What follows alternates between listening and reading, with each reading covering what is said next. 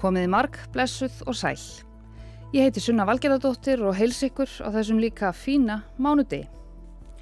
Helstið hefur verið í smá vegi sumarfríi og vonandi þið líka en nú mætum við heldur betur galvask til leiks með haustinu og náum að vera með í síðustu sólardrópum sumarsins áður en hefð óumflíjanlega skellur á skamdíð.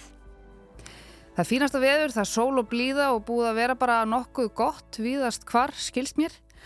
Þið sem hafi verið í útlöndum lenduð kannski of miklu af því góða í sömar sem er reyndar langt frá því að vera gott. Hittabilgjur í Evrópu og Bandaríkjónum í júli þar sem hittin fór víða upp í næstum 50 gráður.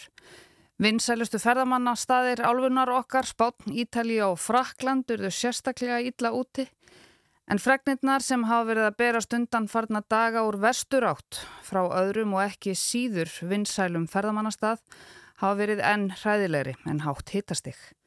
Tala látina á Hawaii heldur áfram að hækka dag frá degi og það sem var bara fyrir nokkrum dögum talin ein mesta paradís heims er nú rústir einar, brunnin nánast til grunna. Yfirvöld er að byðla til ættingja þeirra sem talin eru látin að láta í tíu erðaefni svo þessi hægt að bera kennsla á afskræmt líkin.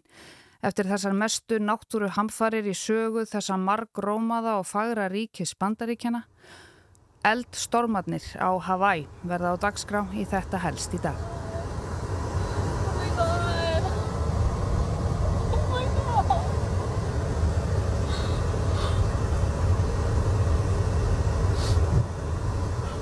Humanity is in the hot seat.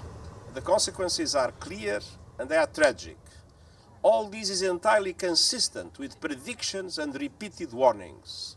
The only surprise is the speed of the change. Þetta var hann Antonio Guterres, framkvæmdastjóri saminuðu þjóðana að messa yfir okkur mannfólkinu í heiminum fyrir nokkrum vikum. Ekki af ástöðu lausu við virðumst ekki vilja átt okkur á því að við erum að eidilegja jörðina. Guterres vitnaði á bladamannafundi í nýútkomna skýslu Copernicus loftslags eftirlit stjónustu Evrópusambandsins þar sem kom fram að júli, þessi sem var bara að líða með öllum hittabilgjónum og því, gæti orðið heitasti mánuður frá upphafi mælinga og bytti nú Copernicus og Guterres höfðu rétt fyrir sér.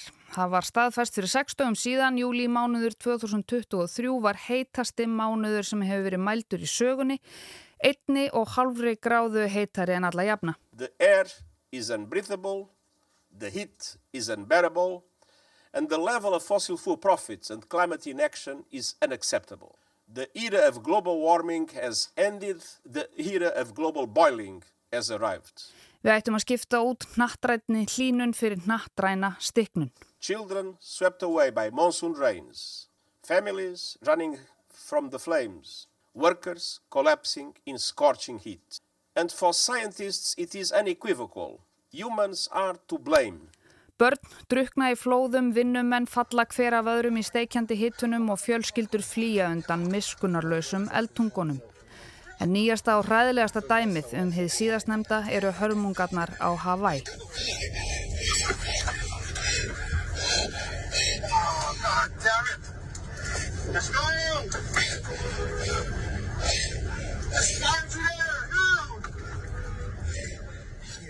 Þetta er hljóðbrott úr einu af fjölmörgum símamyndböndum sem fólk hefur deilt á netinu af flóttar sínum frá Hawaii. Þetta er tekið innan úr bíl, sá sem heldur á símanum sittur í aftursvættinu og reynir að fanga hryllingin sem er allt í kringum ferðarfélagana. Og hann hættir fljótlega að taka upp eftir að þetta gerist. Oh my god.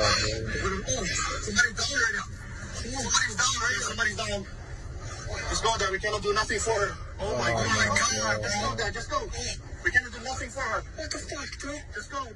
Þarna sést kona liggja á jörðunni á grúfu, líklega dáin innan um eldhafið sem umkringir bílinn. Við verðum að halda áfram, við getum ekkert gert fyrir hana, segir ökkumæðurinn. Þessi myndbönd og fregnirnar allar eru eiginlega eins og bíómynd síðan 1990 eitthvað. Náttúru hamfara hasarmynd sem á sér litla stóði í raunveruleikanum. En eins og Guterres benti á og hefur reyndar ítrekkað bent á, þá er þetta bara enn einn byrtingar mynd loftslagsbreytinga. Loftslagsbreytinga sem eru okkur að kenna. Bjarni Pétur Jónsson var með þessa frétt á förstu dagi núna 11. ágúst. Ferðamannaborgin La Haina er á vesturströnd Maui en þanga koma árlega um 2 miljónir ferðamanna. Svipaður fjöldi og sækir Ísland heim árlega núorðið. Hún er vinsalasti viðkomustadur ferðamanna á einni en eld hafið lagði stóran hluta borgarinnar í rúst. The sky was just black.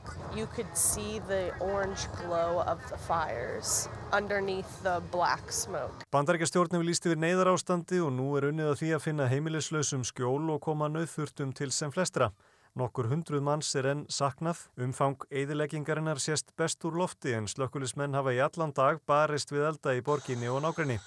Ekki er enn ljóst hvernig eldarnir kviknuðu en miklir þurkar hafa verið á Hawaii síðustu vikur og kvassir vindar sem fylgdu fellibilnum Dóru eru til þess að útbreyslan var mun hraðari en búistar við. Núna á laugardag hafðu meira en 2000 byggingar brunnið til grunna og áætlaður kostnaður við þær endurbyggingar hleypur á svo háum tölum að það tekur því valla að nefna þær til 5,5 miljardur bandaríkjadala um 750 miljardar íslenskra króna. En það má líklega retta því. En hins vegar verður lífið þeirra sem hafa dáið í eldtungunum og fjölskyldna þeirra ekki rettað. Nú hafa 96 verið skráðir látnir eftir eldana en svo tala endar líklega með því að vera töluvert herri.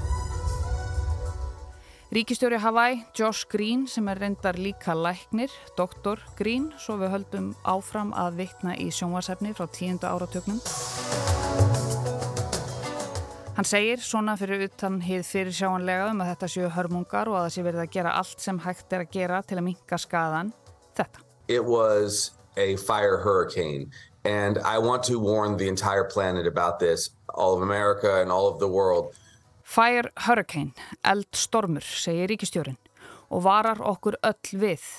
Kanski við ættum að fara að hlusta á þessar viðvaranir. We were experiencing very, uh, very dry conditions, drought conditions because of global warming, which is obviously very real for us here and everywhere. In addition to those uh, drought conditions and uh, difficulties with water Þurkar, lítið vatn til á eigunum og svo fellibilurinn Dóra, hamfara hlínun eða nattræn stiknun, já. That's what a fire hurricane is going to look in the era of global warming. And so we have to all do right now, right now, what we can to stop global warming and reverse it. Ég segi þetta ekki oft en ég ætla að segja það núna. Hlustum á mennina. En viðtal fréttastofu ABC við ríkistjórnans nýrist líka um gaggrinni íbúa Hawaii á ríkistjórnina og stjórnvöld almennt. Þau segja að það hefði verið hægt að koma í veg fyrir þennan mikla skada með því að taka rafmagnið af fyrr, sjá eitthvað af þessu fyrir, auka upplýsingagjöf og síðast en ekki síst kveikja á viðvörunaflutunum.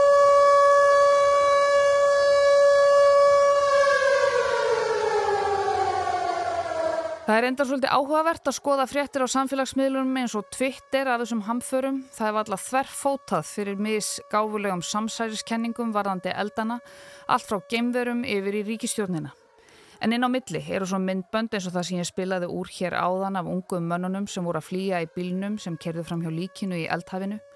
Og það lítur að vera hræðilegt fyrir fólki sem ætlaði að skreppa til Hawaii í sumarfríinu sínu og tjekka í paradísarboksið en endaði á því bókstaflega að flýja til þess að bjarga lífi sinni. What? John, get out of there! Get out of there! I've never seen No, I've never seen it like this either. What is going on?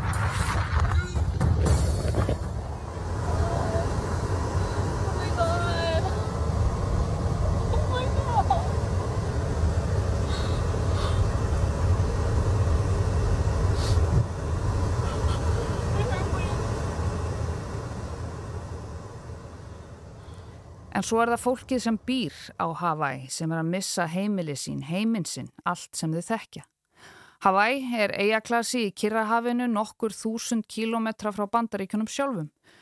Það eru 137 talsins Hawaii eigarnar með ótrúlega náttúrufegurð, eldfjöll, góðan landbúnað, kvítar strendur og loftslag eins og það gerist best, eða gerðist best.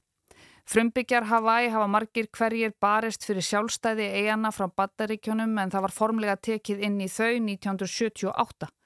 Ég ætla ekki að fara nánar út í sögu Hawaii hér en ætla að gefa einni innfættri ef svo má orði komast orðið. Hún var í viðtali fyrir nokkrum dögum eftir eldana.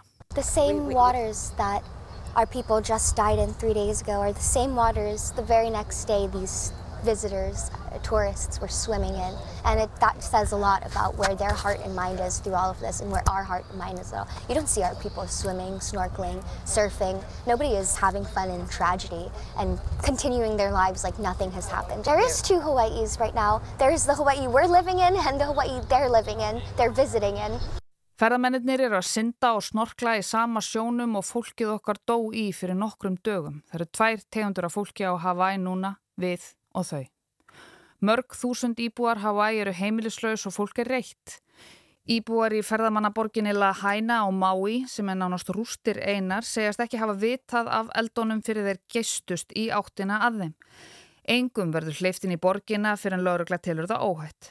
Og almannavarnir bandaríkina hafa sendt á annað hundrað starfsmenn til Hawaii og ætla að útvega íbúum helstu nöðsinjar þar meðal vatn. Jill Tokuta, þinkona fyrir Hawaii, segir umfang eldana og hver hrattir breytust út hafa komið embættismönnum á óvart að kom þeim bara í opna sköldu. Eins hafi ekki verið gert ráð fyrir því að viðtækt rafmaks og sambandsleysi hafi komið í veg fyrir að viðvaranir bærust um farsímakerfið og við því þurfi að bregðast. En nýjustu fregnir af eldunum á Hawaii síðan í morgun bara eru þær að nú ríkir eins konar heimsenda ástand í La Haina Fólk rænir þar og rupplar því litla nýtilega sem eftir er og ég mæli bara með því að þið skoðið myndirnar af borginni fyrir og eftir. Það er erfitt að lýsa þessu í orðum nema vittna í enn eina hamfaramyndina og nýjunni eins og Volcano en það ætlum ég ekki að gera. Nákvæmt tala látina stendur nú í 96. Fólk er vara við því að fara til eigana en Silki Húfur eins og Paris Hilton og Oprah Winfrey hafa leið undir ámæli fyrir að hunsa það. Get out of it because I was getting pounded. Yeah. And then Bubba Gump started on fire, and I'm running down Front Street, and the wall. There's like 80 people, and the ocean was on fire. Firefighter told me because the first layer of ash causes a seal, and then the next layer of ash was all the ambers. So the tide line was on fire, and I had to jump through the water and come up through the fire. Og ætlaði sé ekki við hæfi að gefa framkvæmda stjóra saminuðu þjóðana bara orðið á ný? Humanity is in the hot seat. Today the consequences are clear and they are tragic. Children swept away by monsoon rains. Families running from the flames. Workers collapsing in scorching heat. The era of global warming has ended the era of global boiling has arrived. The air is unbreathable, the heat is unbearable, and the level of fossil fuel profits and climate inaction is unacceptable. Sagði Antonio Guterres. En ég heiti Sunna Valgerðardóttir og hamfarinnar á Hawaii voru á dagskrá í þetta helst í dag á þessum fallega síðsumar stegi á okkar litlu eldfjalla eigu. Degi sem er líklega töluvert svartari á öðrum eldfjallaegjum langt í burtu þar sem sést ekki til sólar fyrir eldi og reik. Eldi sem kemur þó ekki upp úr jörðinni heldur með loftinu og vindinu. En takk fyrir að leggja við hlustur í dag og við heyrumst aftur á morgun.